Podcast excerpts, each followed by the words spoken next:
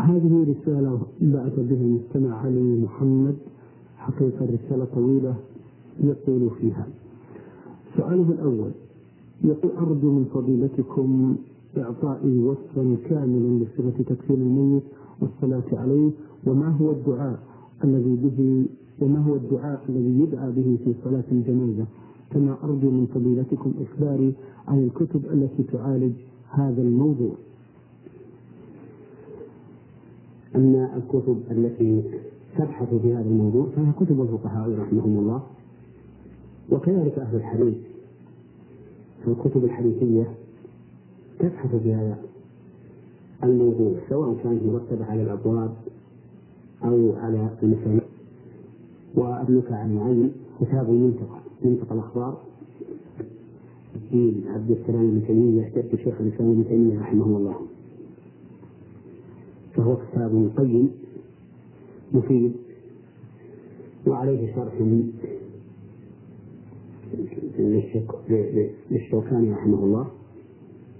فبإمكانك أن تأخذ منه فائدة كبيرة. وكذلك كتاب جنائز من صحيح البخاري الذي عليه فتح الباب ابن حجر العسقلاني. وكذلك كتب الفقه على جميع المذاهب كلها تبحث هذا الموضوع وتبينه ويستفيد منها المرء المسلم. أما ما سألت عنه من صفة التكفين فإن النبي صلى الله عليه وسلم قسم فيها كتاب أثواب بيض بدون قميص ولا عمامة فيؤتى بالخرق الثلاث ويبسط بعضها فوق بعض ثم يوضع الميت عليها ثم ترد أطرافها على الميت من من الجوانب ومن عند الرأس والرجلين وتعقد حتى لا تتفرق عند حمل الميت. وإذا وضع في القبر فكت العقد. أما بالنسبة للصلاة عليه فإنه يقدم بين يدي المصلين ويكون رأسه عن يمين الإمام أو عن يساره لا فرق بين هذا وهذا. خلافا لما يفهمه كثير من العامة من أنه لا بد أن يكون رأسه إلى يمين الإمام. ويتقدم الإمام وحده للصلاة عليه ويكون الناس خلفه. وأما ما يظنه بعض العامة من أنه لا بد أن يكون أولياء الميت إلى جنب الإمام فهذا ليس له أصل. لكن الذين يقدمونه إذا قدموه إلى الإمام تأخروا إلى الصفوف فإن لم يكن لهم مكان فلا حرج عليهم أن يصفوا وراء الإمام. لكن لا يصفوا بحذائه نعم. لأن السنة تقدم الإمام على المأمومين ويكبر عليه أربع تكبيرات أو خمس أو أكثر حسب ما جاءت في السنة. يقرأ في الأولى سورة الفاتحة بعد التعوذ والبسملة. وفي الثانية يصلي على النبي صلى الله عليه وسلم كما في التشهد. اللهم صل على محمد وعلى آل محمد كما صليت على إبراهيم وعلى آل إبراهيم إنك حميد مجيد. اللهم بارك على محمد وعلى آل محمد كما باركت على إبراهيم وعلى آل إبراهيم إنك حميد مجيد. وبعد التكبيرة الثالثة يدعو للميت. فيقول اللهم اغفر لحينا وميتنا وشاهدنا وغائبنا وصغيرنا وكبيرنا ولنا وإنسانا إنك تعلم من قلبنا ومثوانا اللهم انك على الاسلام اللهم اغفر له وارحمه وعافه واعف عنه واكرم نزله اوسع مدخله واغسله بالماء والثلج والبرد ونقه من الخطايا كما نقضته بالارض من الدلس وعبده دارا خيرا من داره واهلا خيرا من أهله وأدخله الجنه وأيضا من عذاب القبر وعذاب النار واصلح له في قبره ونور له فيه. ويدعو أيضا بما شاء مما يحضره من الدعاء. وبعد التكبيره الرابعة يقول ربنا آتنا في الدنيا حسنة وفي الآخرة حسنة وقنا عذاب النار ثم يسلم. وإن كبر ثم سلم بدون دعاء فلا بأس. وإن كبر خمسا فلا أعلم ماذا يقول بين الرابعة والخامسة. ولكن لو قسم الدعاء السابق فجعل بعضه بعد الرابعة وبعضه بعد الخامسة فإن ذلك لا بأس به. يعني أنه جعل بعضه بعد الثالثة وبعضه بعد الرابعة. فلا بأس به. ثم بعد هذا يسلم تسليمة واحدة عن يمينه وفي هذه التكبيرات يرفع يديه عند كل تكبيرة. كما جاء في ذلك السنة. فقد صح هذا عن من فعل ابن عمر رضي الله عنهما وروي مرفوعا إلى رسول الله صلى الله عليه وسلم. فالسنة عن المصلي على الجنازة يديه مع كل تكبيرة. نعم. في عين سوريا بعثت برسالة تقول فيها فضيلة الشيخ. هل يؤثر السحر لدرجة أنه يوقف مشروع الزواج وإذا كان هذا التأثير صحيحا فهل له علاج من الكتاب والسنة دون الذهاب للدجالين والمشعوذين؟ نرجو التوجيه مأجورين. الحمد لله رب العالمين وأصلي وأسلم على نبينا محمد خاتم النبيين وعلى آله وأصحابه ومن تبعهم بإحسان إلى يوم الدين. الجواب على هذا السؤال أن السحر بلا شك يؤثر تأثيرا مباشرا. بدليل القرآن والواقع. أما القرآن فقد قال الله تعالى فيتعلمون منهما ما يفرقون به بين المرء وزوجه. وأما الواقع يعني وهناك أيضا دليل آخر من القرآن. أقول أما القرآن ففي قوله تعالى فيتعلمون منهما ما يفرقون به بين المرء وزوجه. وقوله تعالى في قصة موسى عليه الصلاة والسلام وخيل إليه من سحرهم أنها تسعى. وأما الواقع فشاهد بذلك. فإن السحر يؤثر في المشهور يؤثر في عقله وفي بدنه وفي فكره وفي اتجاهه والسحر من كبائر الذنوب. بل شعبة منه تكون من الكفر المخرج من الملة.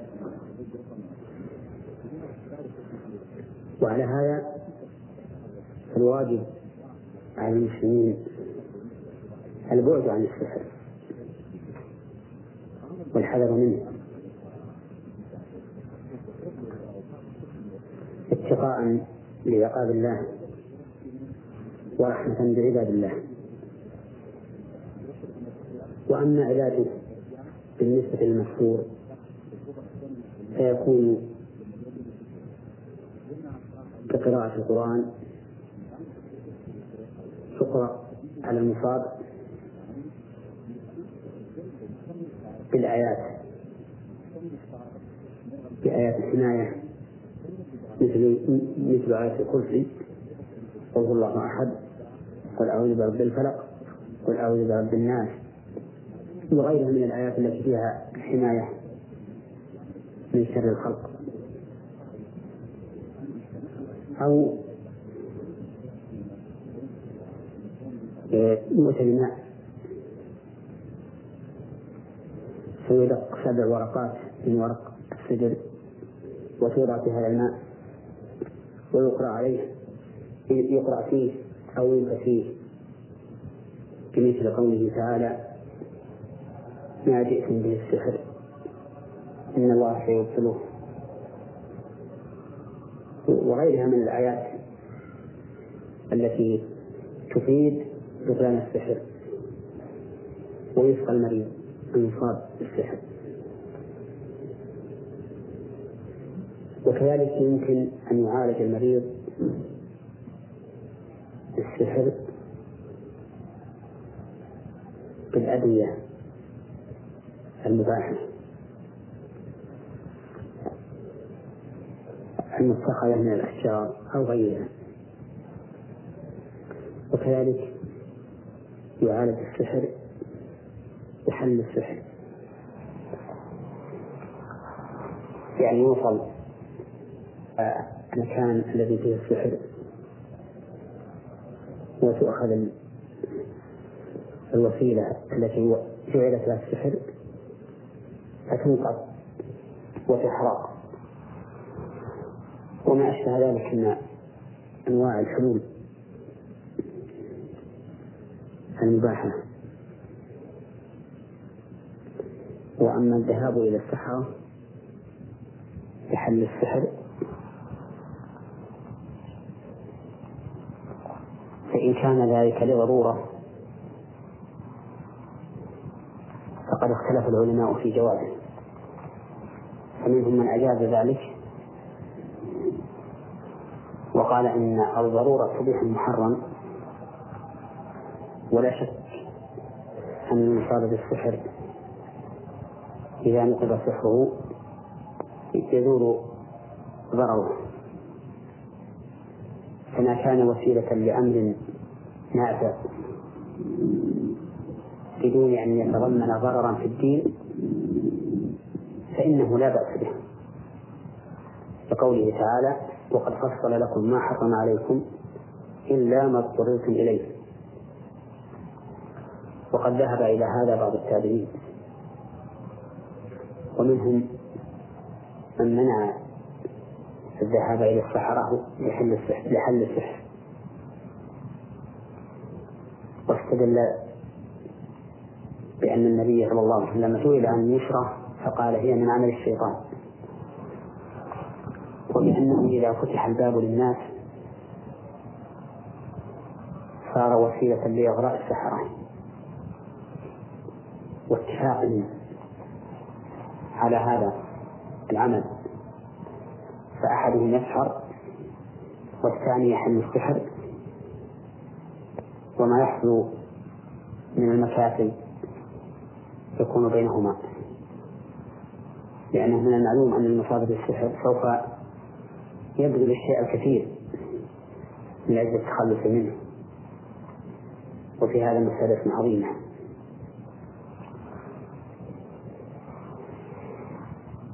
الحقيقة أننا إذا نظرنا إلى الضرورة الشخصية المعينة ملنا إلى الإباحة أي إباحة حل السحر بالسحر للضرورة كما ذهب إلى ذلك من ذهب من السلف والخلف. وإذا نظرنا إلى المسألة العامة ملنا إلى القول بالمنع لا سيما وهو مؤيد بالحديث الذي أشرنا إليه أن النبي صلى الله عليه وسلم سئل عن النشرة فقال هي من عمل الشيطان. والمسألة عندي فيها توقف.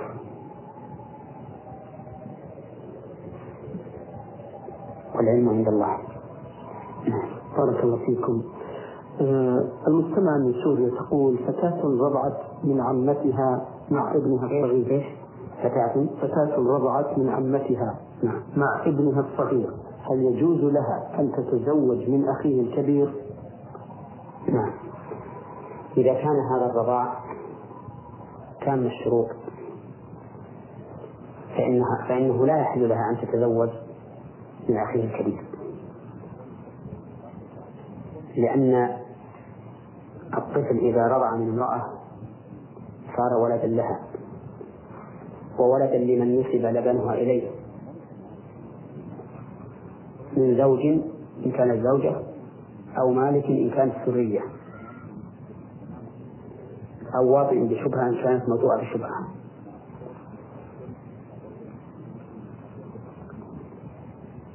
سواء كان أولادها سابقين على رضاع هذا الطفل أو لاحقين. وسواء كان أولاد زوجها منها أو من زوجة أخرى سابقة أو لاحقة. ولكن لا بد أن نعلم أنه يشترط في الرضاع أن يكون خمس رضعات فأكثر. وفي زمن الإرضاع فإن كان أقل من خمس رضعات فلا أثر له حديث عائشة رضي الله عنها الثابت في صحيح مسلم كان فيما أنزل من القرآن عشر رضعات محرم ثم نسخن بخمس رضعات معلومات. فتوفي رسول الله صلى الله عليه وسلم وهي فيما سمع القرآن.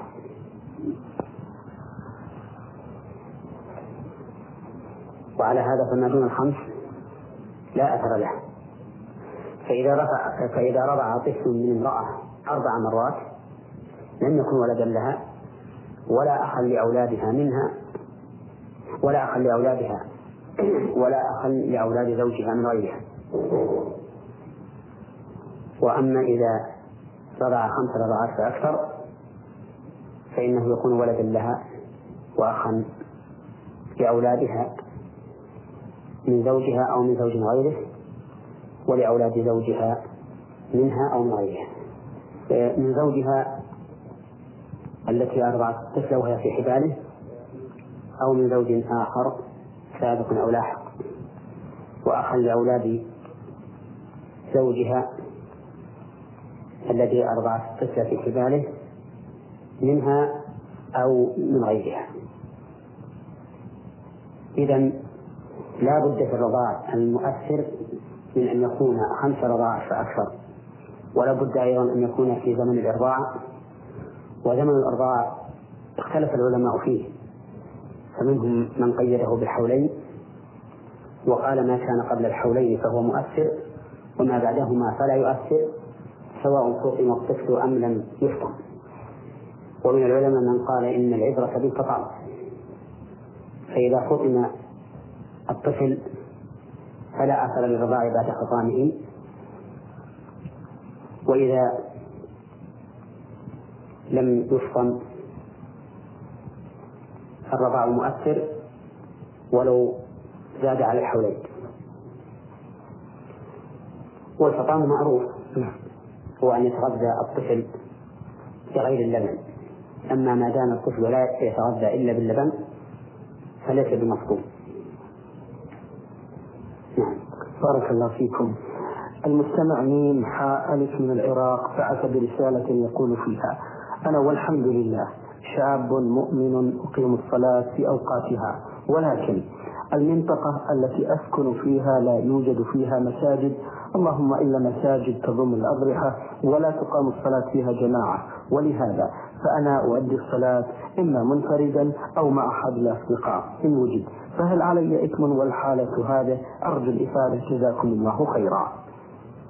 نعم الجواب على هذا أن نقول من المعلوم أن الراجح من أقوال أهل العلم وجوب صلاة الجماعة على الأعيان وأنه يجب أن يصلي الإنسان جماعة في بيوت الله عز وجل. لأن النبي صلى الله عليه وسلم قال لقد هممت أن آمر بالصلاة فتقام ثم آمر رجلا فيصلي بالناس ثم انطلق برجال معهم حزم من حطب إلى قوم لا يشهدون الصلاة فأحرق عليهم بيوتهم في النار. أو قال فأحرق عليهم بيوتهم بالنار. وهذا يدل على أن صلاة الجماعة فرض عين على كل مكلف من الرجال. ويدل لذلك أيضا قوله تعالى وإذا كنت فيهم فأقمت لهم الصلاة فلتكن طائفة منهم معك وليأخذوا أسلحتهم فإذا سجدوا فليكونوا من ورائكم وتأتي طائفة أخرى لم يصلوا فليصلوا معك وليأخذوا حذرهم وأسلحتهم.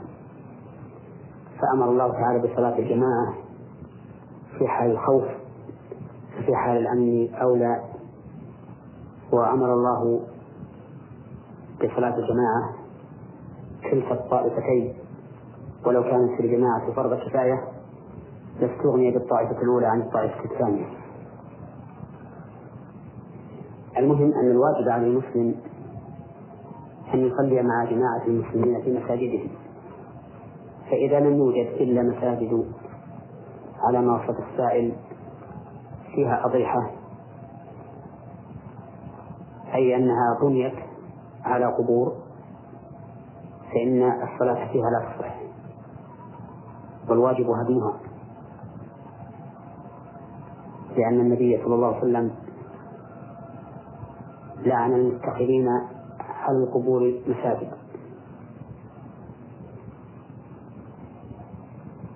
وهذا يدل على أن بناء المساجد على القبور من كبائر الذنوب.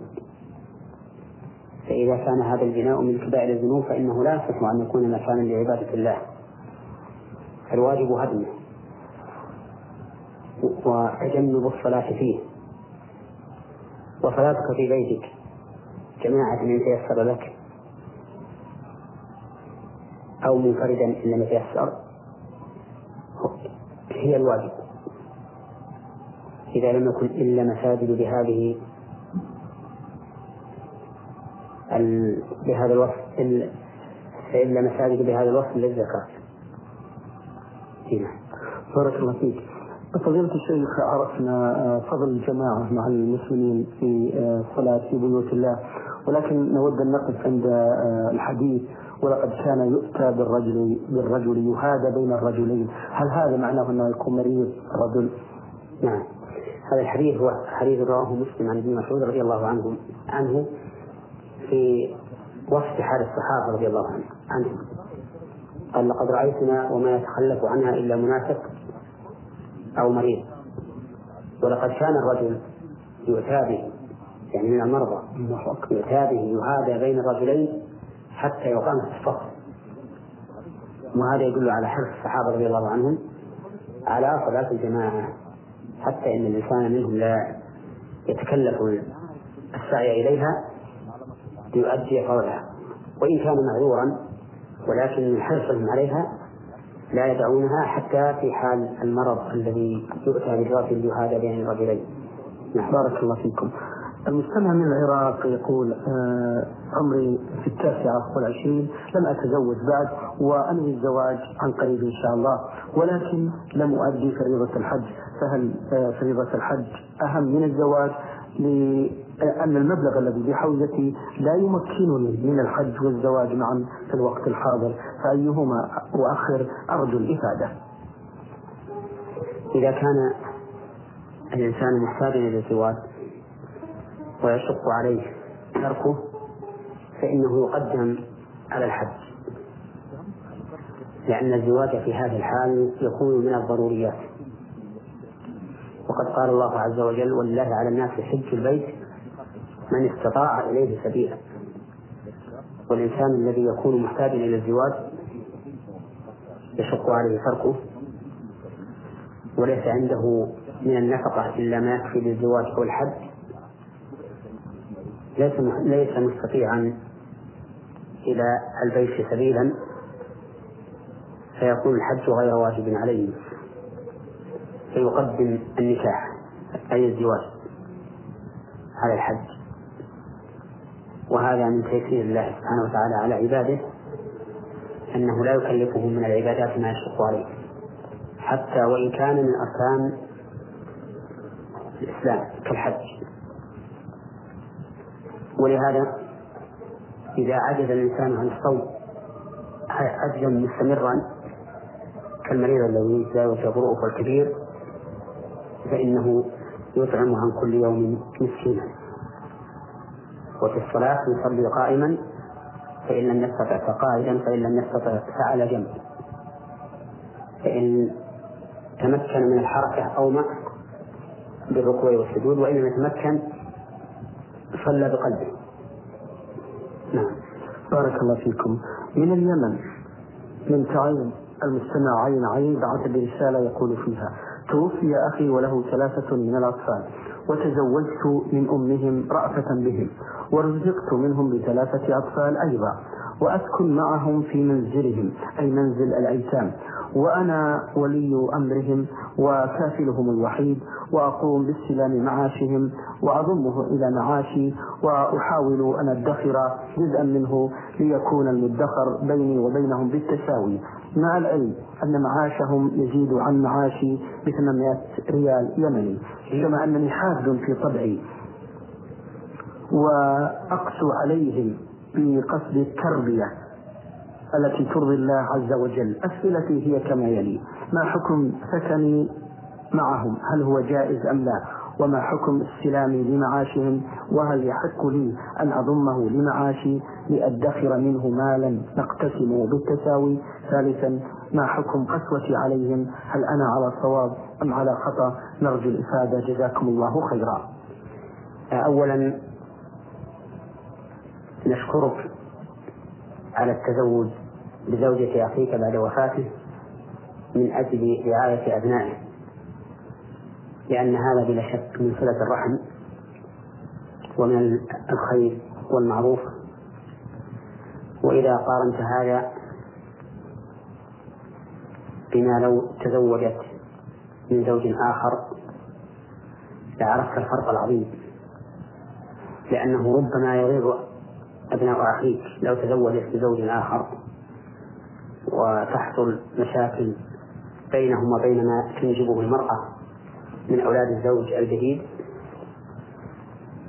فإذا كانوا معك وتحت رعايتك وتربيتك كان ذلك خيرا وأفضل بلا شك. وعلى هذا فأبشر بالخير والأجر من الله عز وجل. وأما سؤالك عن السكن معهم فنقول إنه لا بأس أن تسكن معهم. ولكن عليك من الأجرة بالقسط فإذا كانوا ثلاثة وأنت وزوجتك وأبنائك الثلاثة صار اثنين وثمانية. نعم. فتختم الأجرة على ثمانية أسهم وتؤدي أنت. ما يقابل خمسة أسهم يضاف إلى دراهم هؤلاء الأجسام. لأنه ليس لك أن تسكن بيتهم بدون أجرة.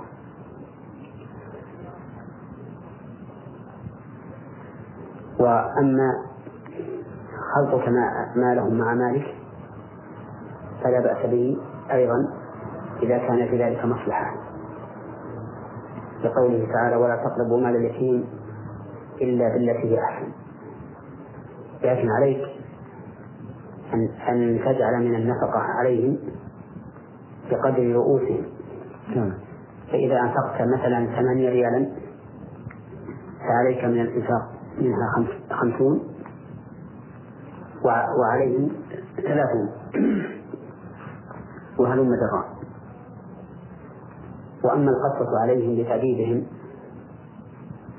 فإن كانت القسوة في هذا التأديب أمرا لا بد منه فلا بأس بها لأنها من مصلحتهم.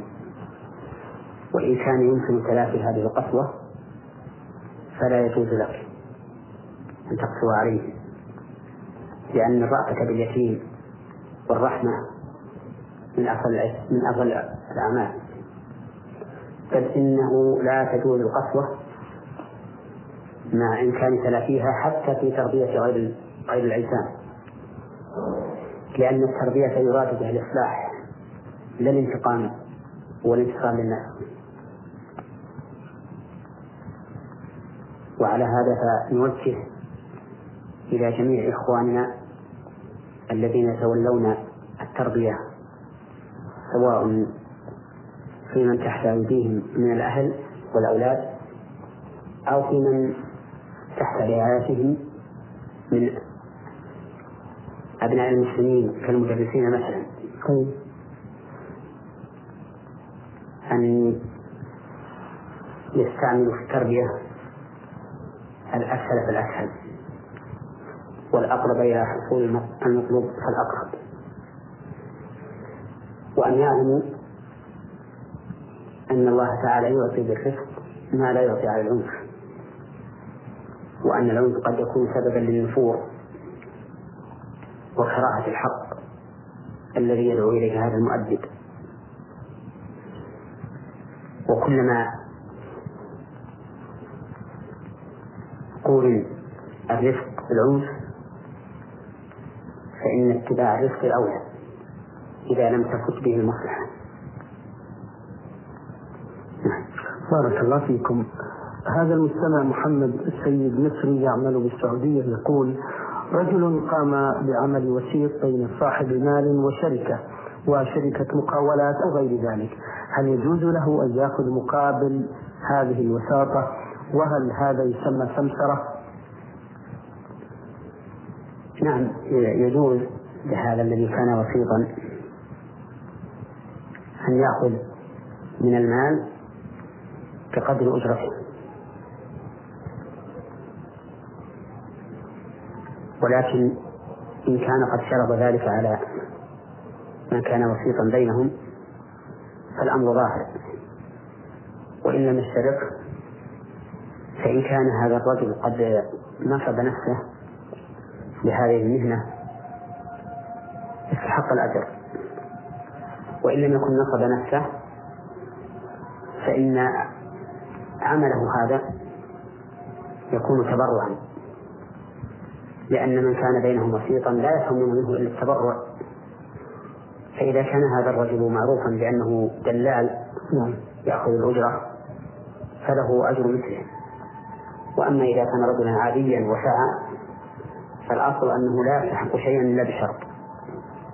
فالورع له أن لا يأخذ منه شيئا.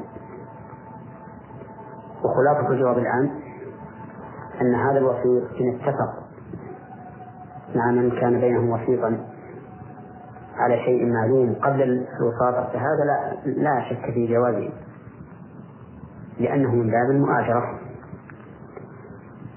وإن لم يتفق نظرنا. فإن كان قد نصب نفسه لهذا العمل كالدلالين وشبههم فله أجر مثله. لأنه إنما عمل بناء على ما كان معروفا من أنه صاحب مهنة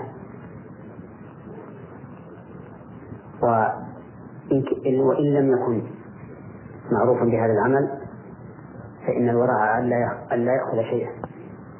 لكن إن أهدى له من كان بينهم وثيقا شيئا فلا, حرج عليه في قبوله. رسالة وصلت من المستمع مستمع نظام الدين باكستاني يقول ما قولكم فضيلة الشيخ في التصوف والصوفية مع العلم أن التاريخ الإسلامي قد حفظ لنا من خريج التصوف من, غير حصر رجالا لا تلهيهم تجارة ولا بيع عن ذكر الله. وهذه حقيقة لا تحتاج إلى مزيد من البحث فنرجو منكم الإجابة حول هذا. الحمد لله رب العالمين وصلي وسلم على نبينا محمد وعلى آله وأصحابه ومن تبعهم بإحسان إلى يوم الدين.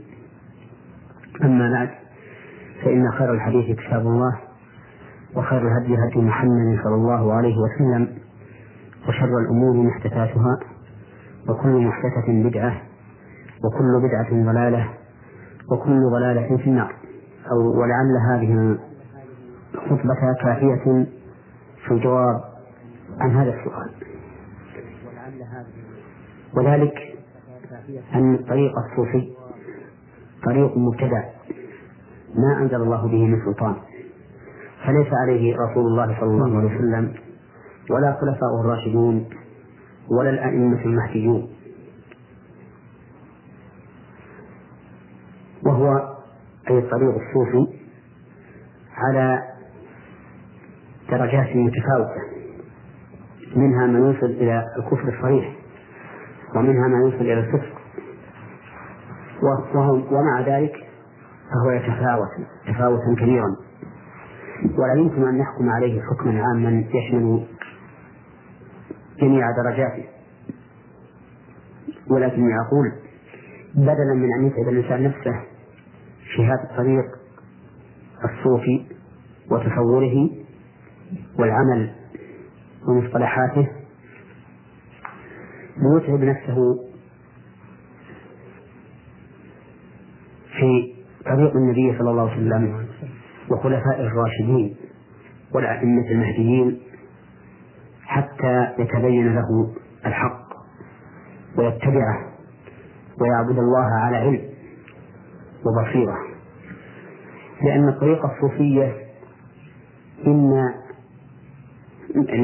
لأن الطريقة الصوفية مبنية إما على جهل الشريعة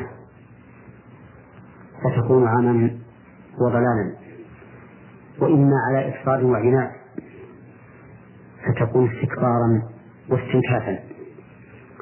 وكل ذلك لا يرضاه المسلم في دينه. وإنني أشير بل أنصح أخي السائل أن يتجنب هذه الطريقة. وأن ينظر إلى الطريق السليم المبني على كتاب الله وسنة رسوله صلى الله عليه وسلم. وفيه كفاية وهداية وما سواه من الطرق فإنه ضلال وعناية. نسأل الله السلامة. اللهم آمين. بارك الله فيكم. المستمع أيضا من باكستان يقول فضيلة الشيخ عرفونا بالاجتهاد والتقليد. ما هو التقليد وما هو الاجتهاد؟ وهل التقليد كان موجودا في زمن الصحابة والتابعين فيقلد بعضهم بعضا أم لا؟ الاجتهاد هو بذل الجهد في الوصول إلى حكم شرعي من الأدلة الشرعية. الكتاب والسنة والإجماع والقياس الصحيح. هذا هو الاجتهاد. ومن المعلوم أنه لا يصلح للاجتهاد إلا من كان عارفا بطرقه وعنده علم ودراية حتى يتمكن من الوصول إلى استنباط الأحكام من أدلتها التي أشرت إليها. وأما التقليد فهو الأخذ كقول مجتهد من غير معرفة دليله بل يقلده ثقة بقوله. والتقليد في الواقع حاصل من عهد الصحابة رضي الله عنهم. فإن الله تعالى يقول فاسألوا أهل الذكر إن كنتم لا تعلمون. ولا شك أن من الناس في عهد الصحابة رضي الله عنهم وإلى عهدنا هذا من لا يستطيع الوصول إلى الحكم بنفسه لجهله وقصوره. ووظيفة هذا أن يسأل أهل العلم. وسؤال أهل العلم يستلزم الأخذ بما قالوا. والأخذ بما والأخذ بما قالوا هو التقليد.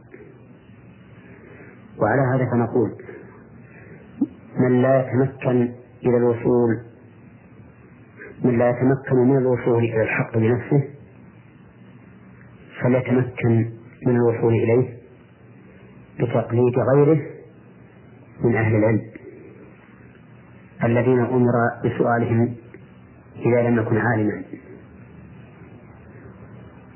ولكن إذا سأل سائل من أقلد فالجواب أن أن الواجب أن تقلد من تراه أقرب إلى الحق.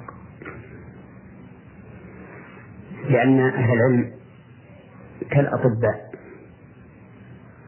فهم أطباء القلوب. وإذا كان الواحد منا إذا مرض وكان في البلد أطباء أطباء كثيرون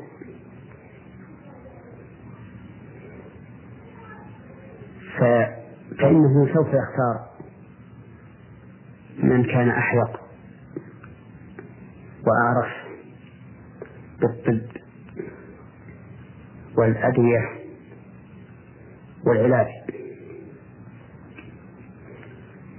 ولا يمكن لأحد أن يذهب إلى طبيب قاصر مع وجود من هو أحدق منه إلا عند الضرورة. فكذلك في التقليد اختر من تراه أقرب إلى الحق لكونه أعلم وأتقى لله عز وجل. وفي هذه الحال تكون قد امتثلت أمر الله تعالى في قوله فاسألوا أهل الذكر إن كنتم لا تعلمون نعم. بارك الله فيكم. هل هناك شروط للمجتهد أو آه، الاجتهاد فضيلة الشيخ؟ العلماء ذكروا للاجتهاد شروطا أهمها أن يكون عند عند الإنسان علم وملكة. طيب. علم بأدلة الشرع. وملكة يتمكن بها من استنباط الأحكام من أدلتها.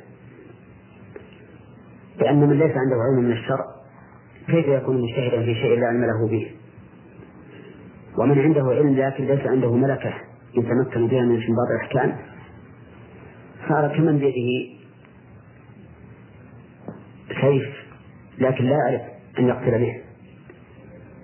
فلا بد من أن يكون عند الإنسان علم وملكة. فإذا كان عند الإنسان علم وملكة صار من أهل الاجتهاد.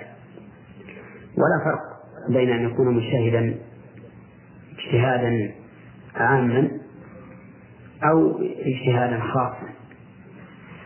فإن بعض الناس قد يكون مجتهدا في مسألة معينة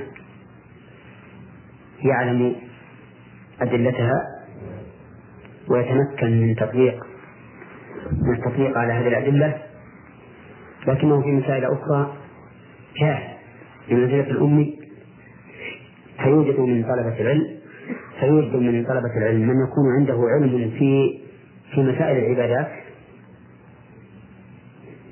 يمكن أن يجتهد به ولكن في المعاملات ليس عنده علم. أو يكون عنده علم في المعاملات العقدية كالبيوع والإيجار والرهن والوقف وما أشبه ذلك وليس عنده علم في مسائل المواريث والفرائض.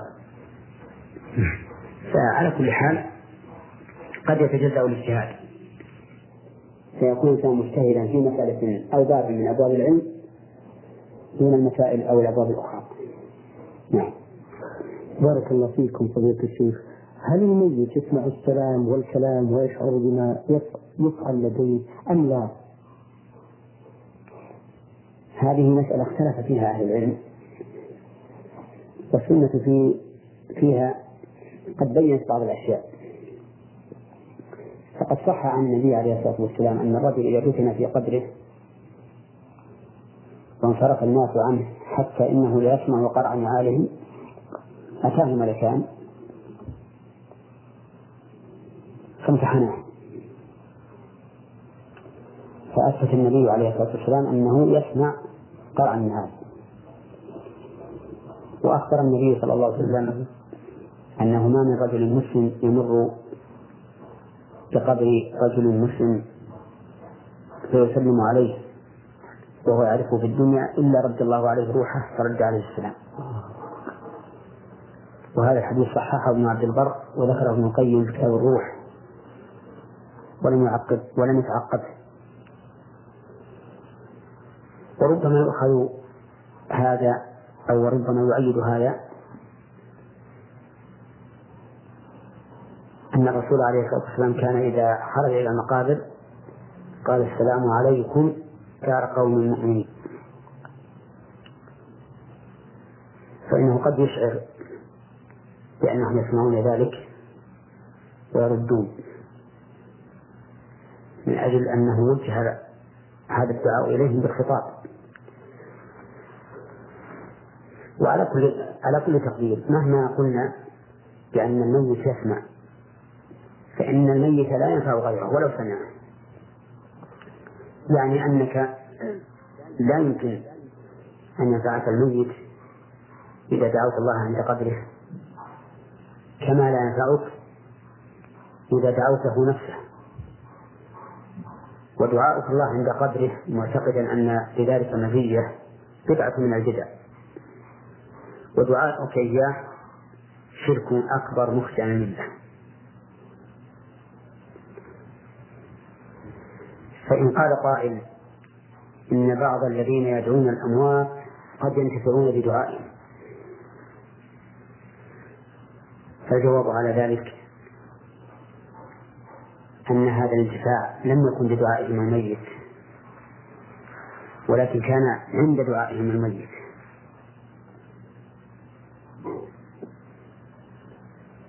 هو فرق بين حصول الانتفاع بدعاء الميت وعند دعاء الميت. لأن لأنك إذا قلت حصل الانتفاع بدعاء الميت كان دعاء الميت هو السبب.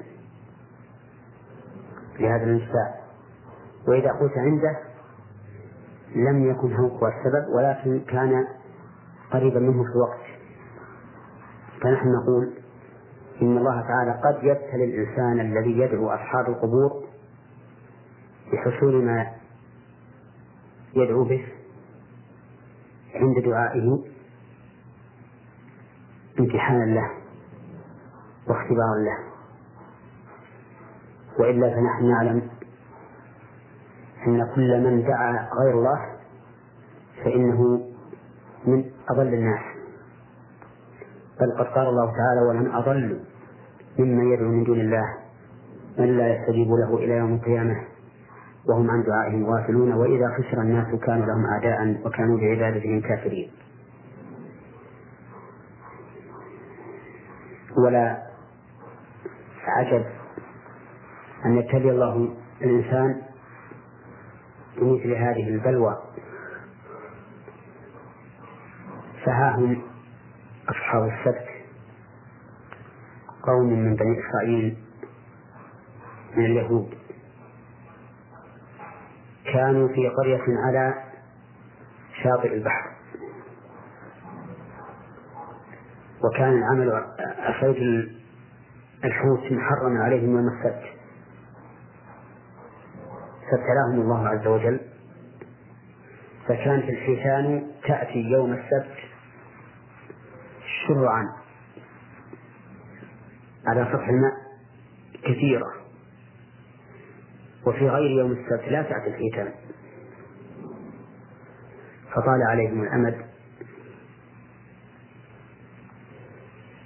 وقالوا كيف نحرم من هذه الحيتان؟ وما الحيلة في الحصول عليها. فبين لهم الشيطان حيلة بأن يضعوا شبكا يوم الجمعة في الماء. فإذا أتت الحيتان يوم السبت وقعت في هذا الشبك ولم تستطع الخروج منه فإذا كان يوم الأحد جاءوا فأخذوها. تحيلوا على محارم الله بأدنى حيل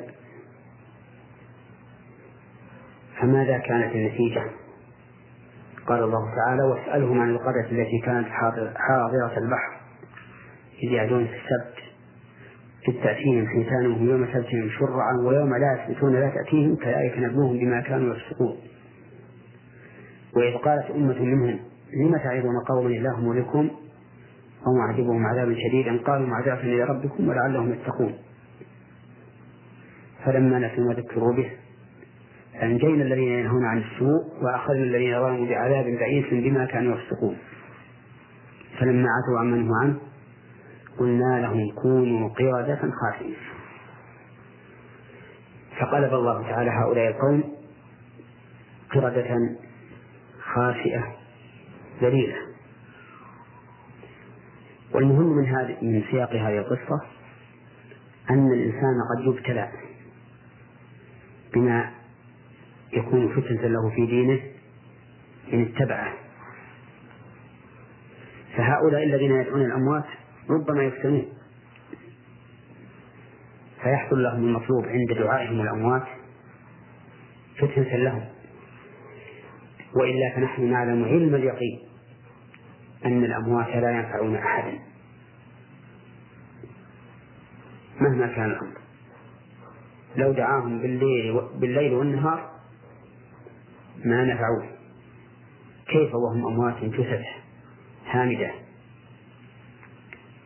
ولكن من لم يجعل الله له نورا فما له من نور. نعم. بارك الله فيكم فضيلة الشيخ. آه المستمع مصري يعمل بالسعودية يقول هذا يسأل هذا السؤال هل يجوز للمرأة آه أن تكشف يديها وقدميها في الصلاة في بيتها في حالة عدم وجود أجانب؟ هذه مسألة اختلف فيها أهل العلم. هل كف المرأة وقدماها عورة في الصلاة أو لا؟ وليس هناك شيء صريح. صريح صحيح من السنة يبين ذلك. ولكن الاحتياط أن تسوى المرأة كفيها وقدميها. إلا أنها لو لم تفعل وصلت فصلاتها صحيحة. لأنه ليس هناك دليل على أن الكفين والقدمين عورة في الصلاة. نعم. بارك الله فيكم. المستمع المصري يقول نحن نسافر آه، أسبوعيا تقريبا إلى مناطق تبعد أكثر من 100 كيلو. هل يجوز لنا القصر في هذه الحالة؟ وهل يجوز أداء صلاة العشاء حين وصولنا إلى المنزل? نرجو الإفادة. إذا سافر الإنسان هذه المسافة فإنه يقصر. كقوله تعالى وإذا ضربتم في الأرض فليس عليكم جناح أن تقصروا من الصلاة إلا إذا كان في بلد فإنه يلزمه حضور جماعة. وإذا حضر جماعة فسوف يتم. لأن المسافر إذا اعتم بمن يتم لزمه الإتمام. سواء كان هذا هذا المسافر الذي اهتم بمن يتم قد أدرك الصلاة من أولها أم من آخرها. وعلى هذا فإذا صلى المسافر فإذا أدرك المسافر مع الإمام ركعتين وجب عليه أن يأتي بعد سلام الإمام بركعتين. لعموم قول رسول الله صلى الله عليه وسلم ما أدركتم فصلوا وما فاتكم فأتموا. وهذا يعم المسافر والمقيم. ولأن ابن عباس رضي الله عنه عنهما سئل ما بال الرجل يصلي مع الإمام أربعا ويصلي وحده ركعتين يعني المسافر؟ فقال تلك هي السنة.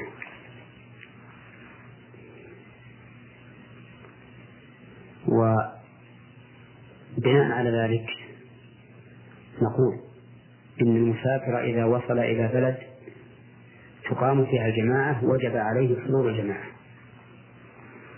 حتى ولو كان معه أصحاب. يمكن أن يصلي معهم جماعة فإن الواجب عليهم جميعا حضور الجماعة إلا أن يكون في ذلك مشقة. بأن يكون المسجد بعيدا أو يكون المسجد غير معلوم المكان عندهم فحينئذ يصلون جماعة.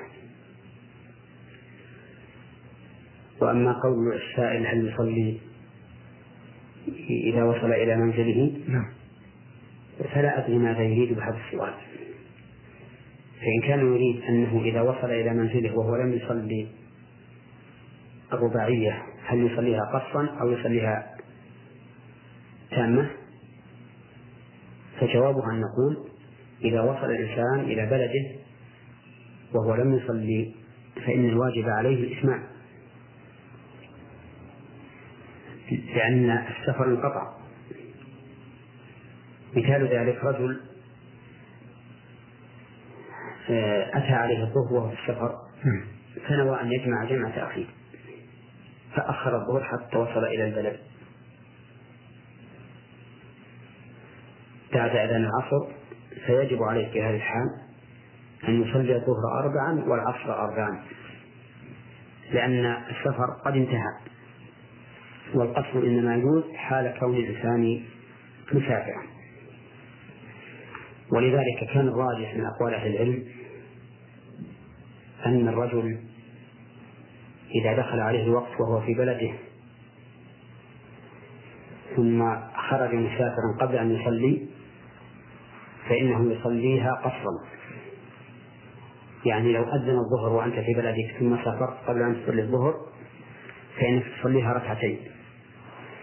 والعكس بالعكس.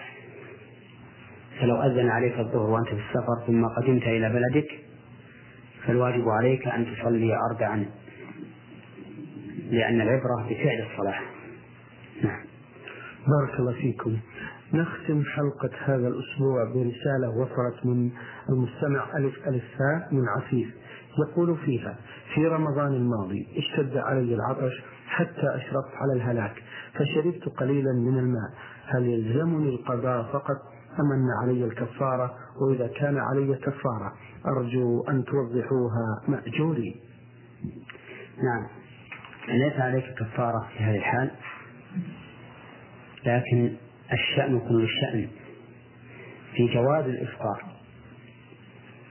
ولكن السائل يقول إنه خشي الهلاك. طيب.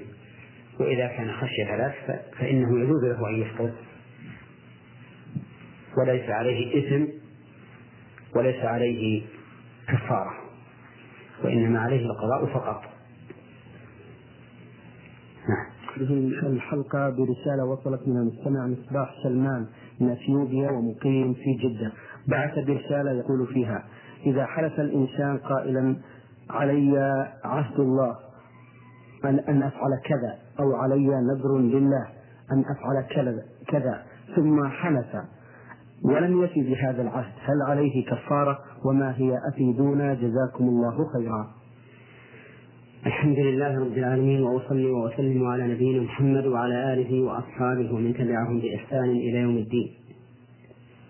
أما بعد فقبل الإجابة على هذا السؤال أود أن أنبه إخوتنا المستمعين إلى أن النذر الذي يلتزم به الإنسان مكروه لأن النبي صلى الله عليه وسلم نهى عنه وقال إنه لا يأتي بخير وإنما يستخرج به من البخيل.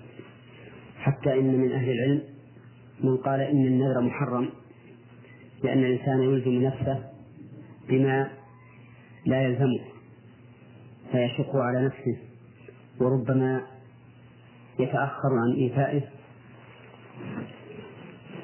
فيعرض نفسه للعقاب العظيم الذي ذكره الله تعالى في قوله ومنهم من عاهد الله لئن آتانا من فضله لنصدقن ولنكونن من الصالحين. فلما آتاهم من فضله بخلوا به وتولوا وهم معرضون فأعقبهم نفاقا في قلوبهم إلى يوم يلقونه بما أخلفوا الله ما وعدوه وبما كانوا يكذبون. وقد أشار الله عز وجل إلى كراهتها النذر وإلزام الإنسان نفسه. فقال تعالى وأقسموا بالله جهد أيمانهم لئن أمرتهم لا يخرجون. قل لا تقسموا طاعة معروفة. ثم إننا نسمع دائما عن أناس نذورا معلقة على شرط من الشروط كأن يقول إن شفى الله مريضي فلله علي نذر أن أصوم كذا أو أن أتصدق بكذا أو إن شفاني الله أو ما أشبه ذلك. ثم يحصل له ما علق النذر عليه ولا يفي به. وهذا كما أشرت إليه آنفا تعريض من الإنسان لنفسه أن يقع في هذه العقوبة العظيمة أن يعقبه الله نفاقا في قلبه إلى يوم يلقاه. وإذا ابتلى الإنسان فنذر فإن كان النذر نذر طاعة فإنه يجب عليه الوفاء به. ولا يحل له أن يدعه. لقول النبي صلى الله عليه وسلم من نذر أن يطيع الله فليطعه. ولا فرق بين أن يكون نذر طاعة واجبة كأن يقول الإنسان مثلا لله علي نذر أن أؤدي زكاتي. أو نذر طاعة مستحبة كأن يقول لله علي نذر أن أصلي ركعتين. ولا فرق بين أن يكون هذا النذر مطلقا غير معلق بشيء أو يكون معلقا بشيء. فالأول كأن يقول لله علي النذر أن أصوم الاثنين والخميس. والثاني أن يقول إن شفى الله مريضي أو إن شفاني الله فلله علي نذر أن أصوم الاثنين والخميس. على كل حال كل نذر طاعة فإنه يجب عليه الوفاء به ولا يحل له أن يدعه ويكفر. ولو فعل كان آثما. أما إذا كان نذر غير الطاعة فإن كان نذر معصية فإنه لا يجوز الوفاء به. كقول النبي صلى الله عليه وسلم من نذر أن يعصي الله فلا يعصي. ولكنه يجب عليه كفارة يمين. يقول النبي صلى الله عليه وسلم كفارة النذر كفارة يمين.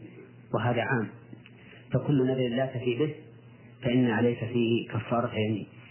وكفارة اليمين بينه الله تعالى في قوله فكفارته إطعام عشرة مساكين من أوسط ما تطعمون أهليكم أو كسوتهم أو تحرير رقبة.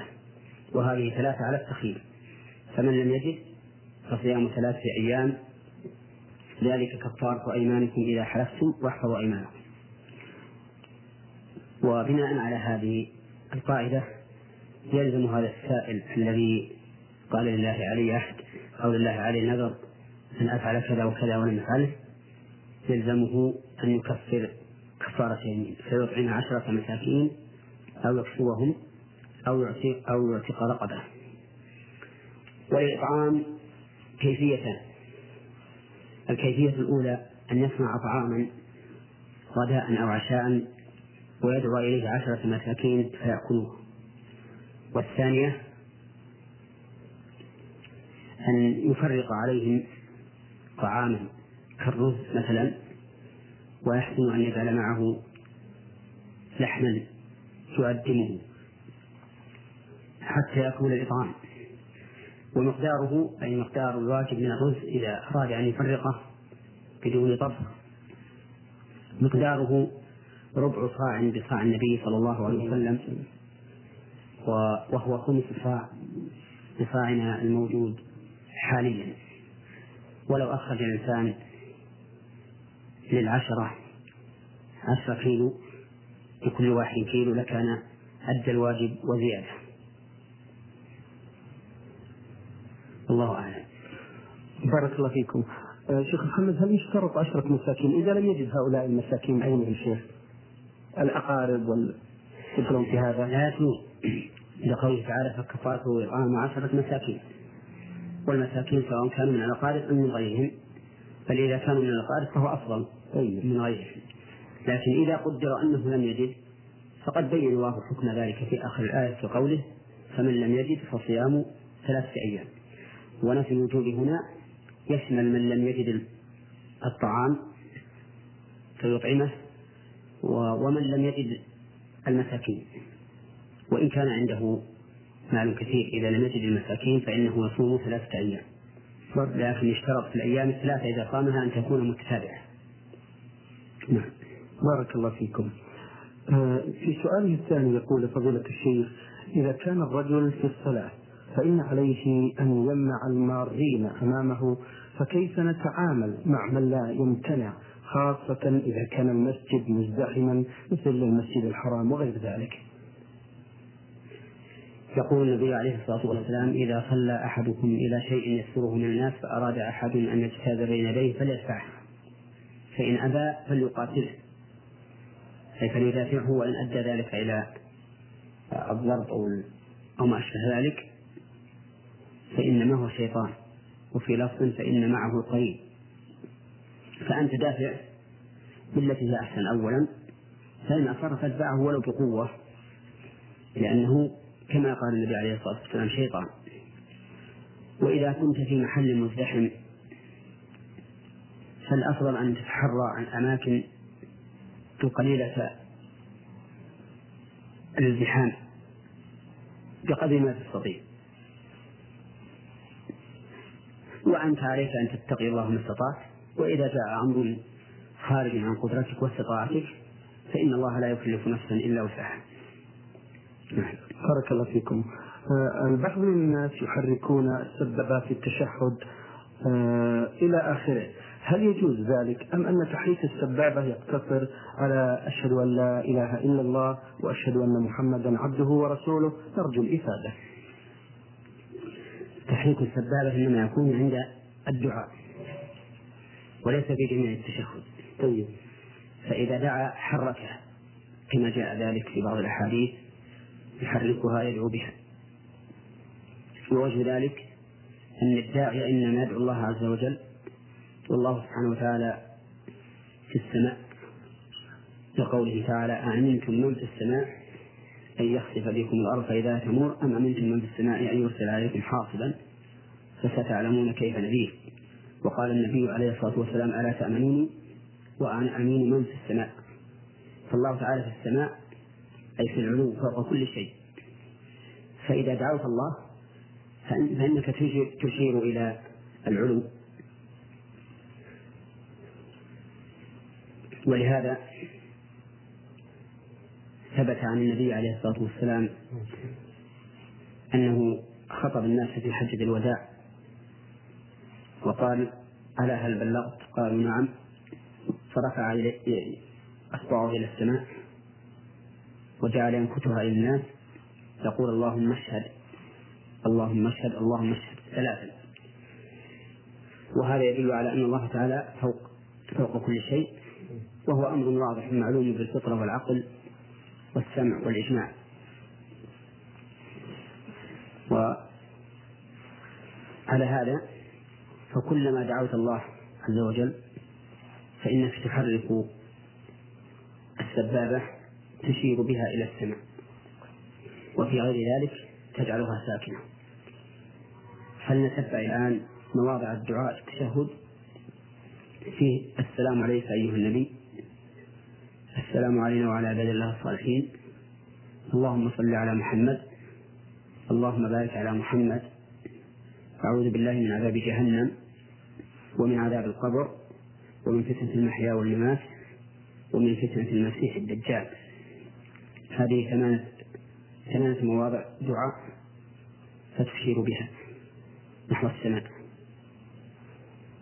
نعم. لو سمحت فضيلة الشيخ تعيد نفس المواضع الثمانية؟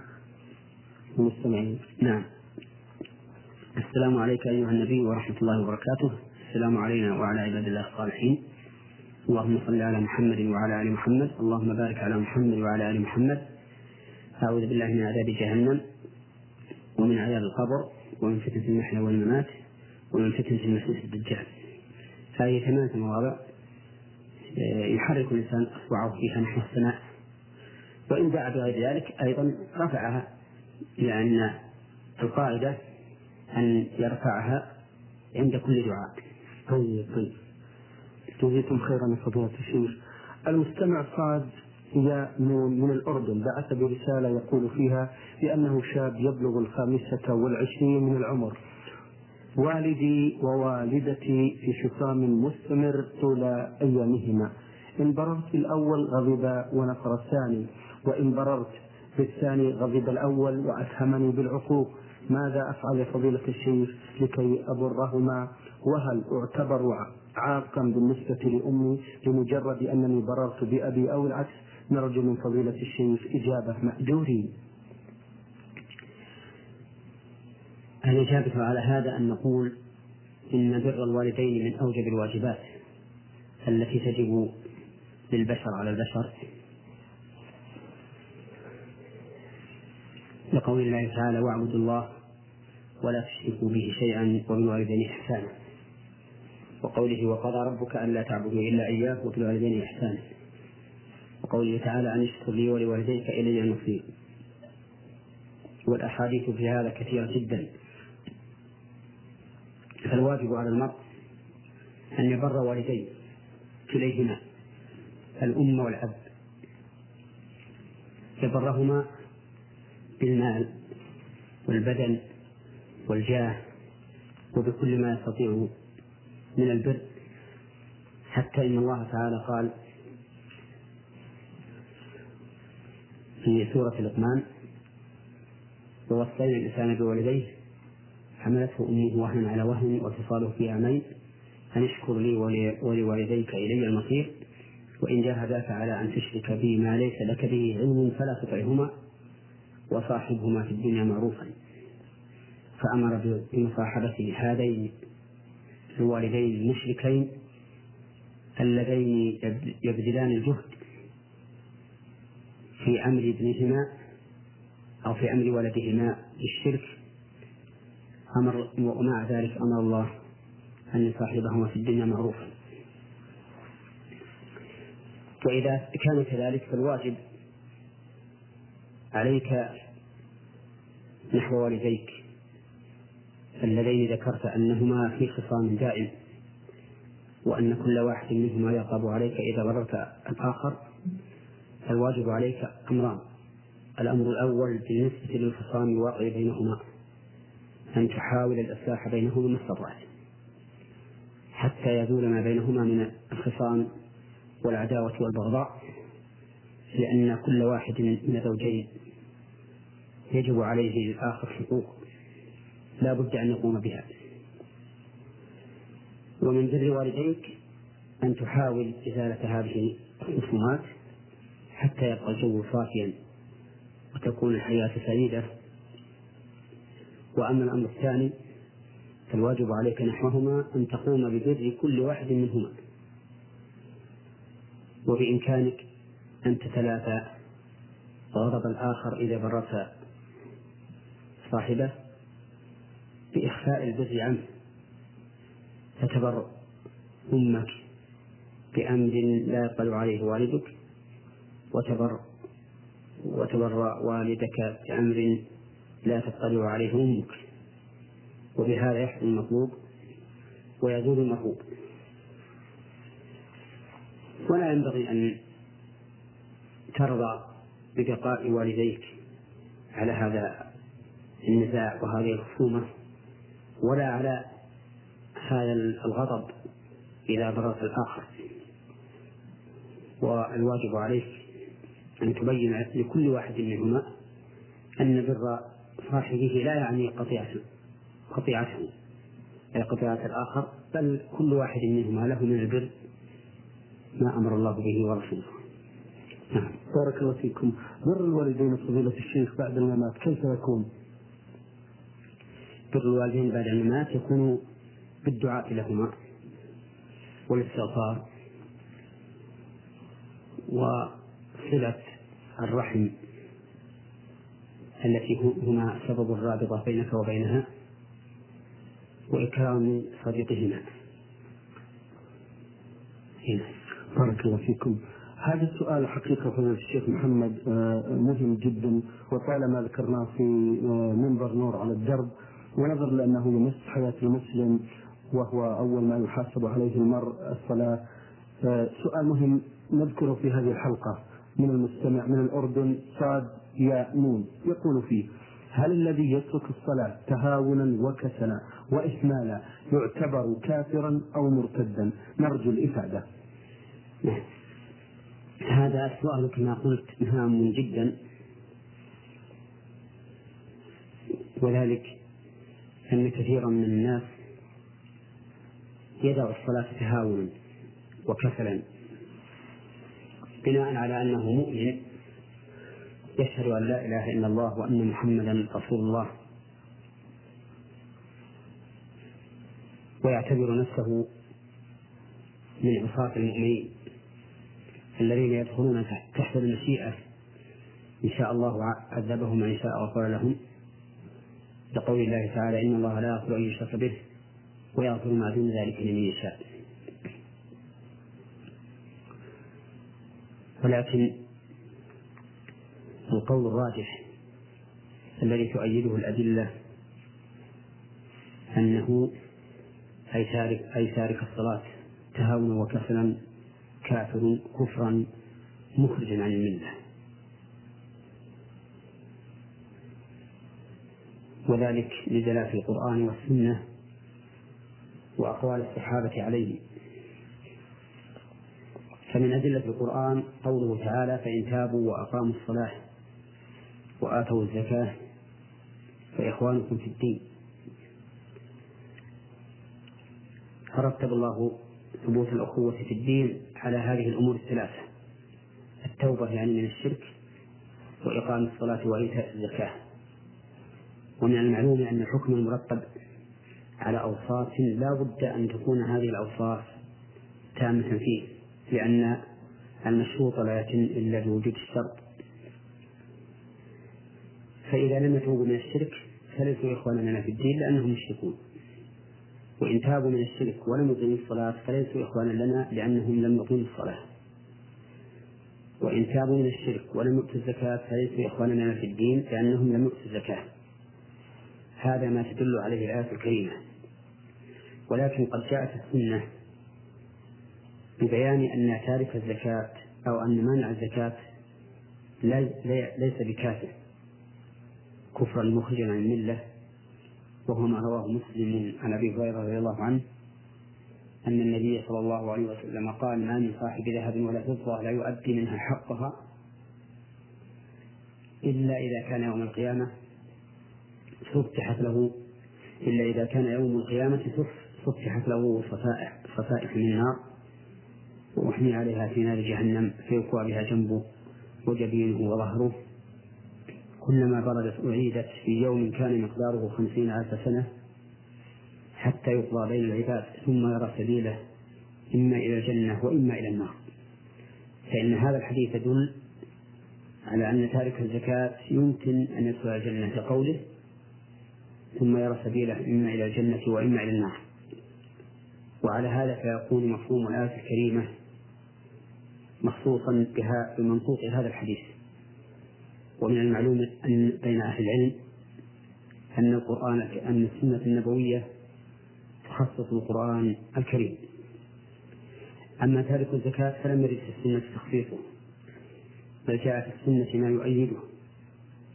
حيث ثبت عن النبي صلى الله عليه وسلم في صحيح مسلم من حديث جابر رضي الله عنه أن النبي صلى الله عليه وسلم قال بين الرجل وبين الشرك والكفر ترك الصلاة. وفي السنن من حديث بريد بن حصيب رضي الله عنه أن رسول الله صلى الله عليه وسلم قال العهد الذي بيننا وبينهم الصلاة فمن تركها فقد كفر. وورد أحاديث أخرى في هذا المعنى. فهذا دليل من القرآن ومن السنة. أما كلام الصحابة فقد حكى إجماعهم غير واحد. فقال عبد الله بن شقيق التابعي المشهور كان أصحاب النبي صلى الله عليه وسلم لا يرون شيئا من الأعمال تركه كفر غير الصلاة. وحكى إجماعهم أي إجماع الصحابة على كفر تارك الصلاة. الإمام إسحاق بن راهويه رحمه الله وغيره من أهل العلم. ممن نقل الإجماع في ذلك. ثم إن النظر يقتضي أيضا أن يكون كافرا لأن من عرف حقيقة الصلاة وفضلها وعناية الله بها والثواب والثواب الجزيل لمن حافظ عليها والعقاب على تاركها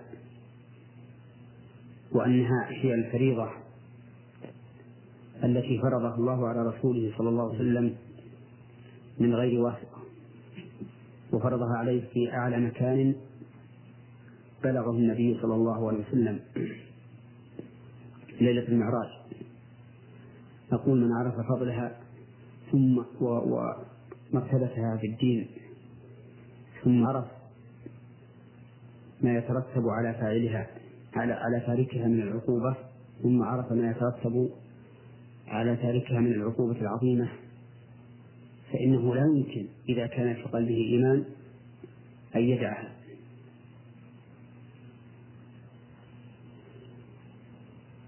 ولقد تأملت. الأدلة التي استدل بها من يقول بأن تارك الصلاة تهاونا وكسلا لا يكفر. فوجدتها لا تخلو من أربع أو خمس حالات. الحالة الأولى أنه ليس فيها دلالة أصلا على أن تارك الصلاة لا يكفر. والحالة الثانية أن يكون أن تكون مقيدة بوصف لا يمكن أن يدع الموصوف به الصلاة. والحالة الثالثة أن تكون مقيدة بحال يعذر فيها تارك الصلاة. والحال الرابعة أن تكون أدلة عامة ومن المعلوم أن الأدلة العامة تقضي عليها الأدلة الخاصة وتخصصها الحالة الخامسة أن تكون أحاديث ضعيفة لا تثبت عن النبي صلى الله عليه وسلم. ولا أعلم حديثا واحدا. ذكر فيه النبي عليه الصلاة والسلام أن تارك الصلاة من أهل الجنة أو أن تارك الصلاة مؤمن أو نحو ذلك مما يقتضي حمل النصوص الدالة على كفره على الكفر الأصغر الذي لا يخرج من الملة. وأنني بهذه المناسبة أحذر إخواني المسلمين من التهاون بالصلاة وإضاعتها وأذكرهم بقوله تعالى فخلف من بعدهم خلف أضاعوا الصلاة واتبعوا الشهوات فسوف يلقون غيا إلا من تاب وآمن وعمل صالحا فأولئك يدخلون الجنة ولا يظلمون شيئا. والغالب على من أضاع الصلاة أن يتبع الشهوات لأن الصلاة تنهى عن الفحشاء والمنكر فإذا تركها فقد فقد ناهيا عن الفحشاء والمنكر فيوشك أن يقع فيه. هذا وقد حمل بعض العلماء رحمهم الله. الأحاديث الدالة على كفره حملها على من ترك الصلاة جاحدا لوجوبها. ولا شك أن هذا الحمل غير صحيح. لوجهين الوجه الأول أنه صرف للنصوص عن ظاهرها. إلى معنى لا يدل عليه الظاهر. والوجه الثاني أنه إلغاء لوصف علق الشارع عليه الحكم مع اعتبار وصف آخر لم يعلق عليه الشارع الحكم. ثم إنه منقوض بما لو كان الإنسان يصلي ويحافظ على الصلاة لكن لا يعتقد وجوبها فإنه كافر ومع ذلك لم يكن تاركا للصلاة.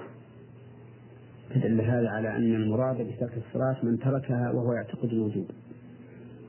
أما من جحد الوجوب فهو كافر سواء صلى أم لم يصلي. نعم. بارك الله فيكم على هذا التفصيل آه هذه رسالة وصلت من المستمع فلاح مهدي من العراق يقول في هذا السؤال.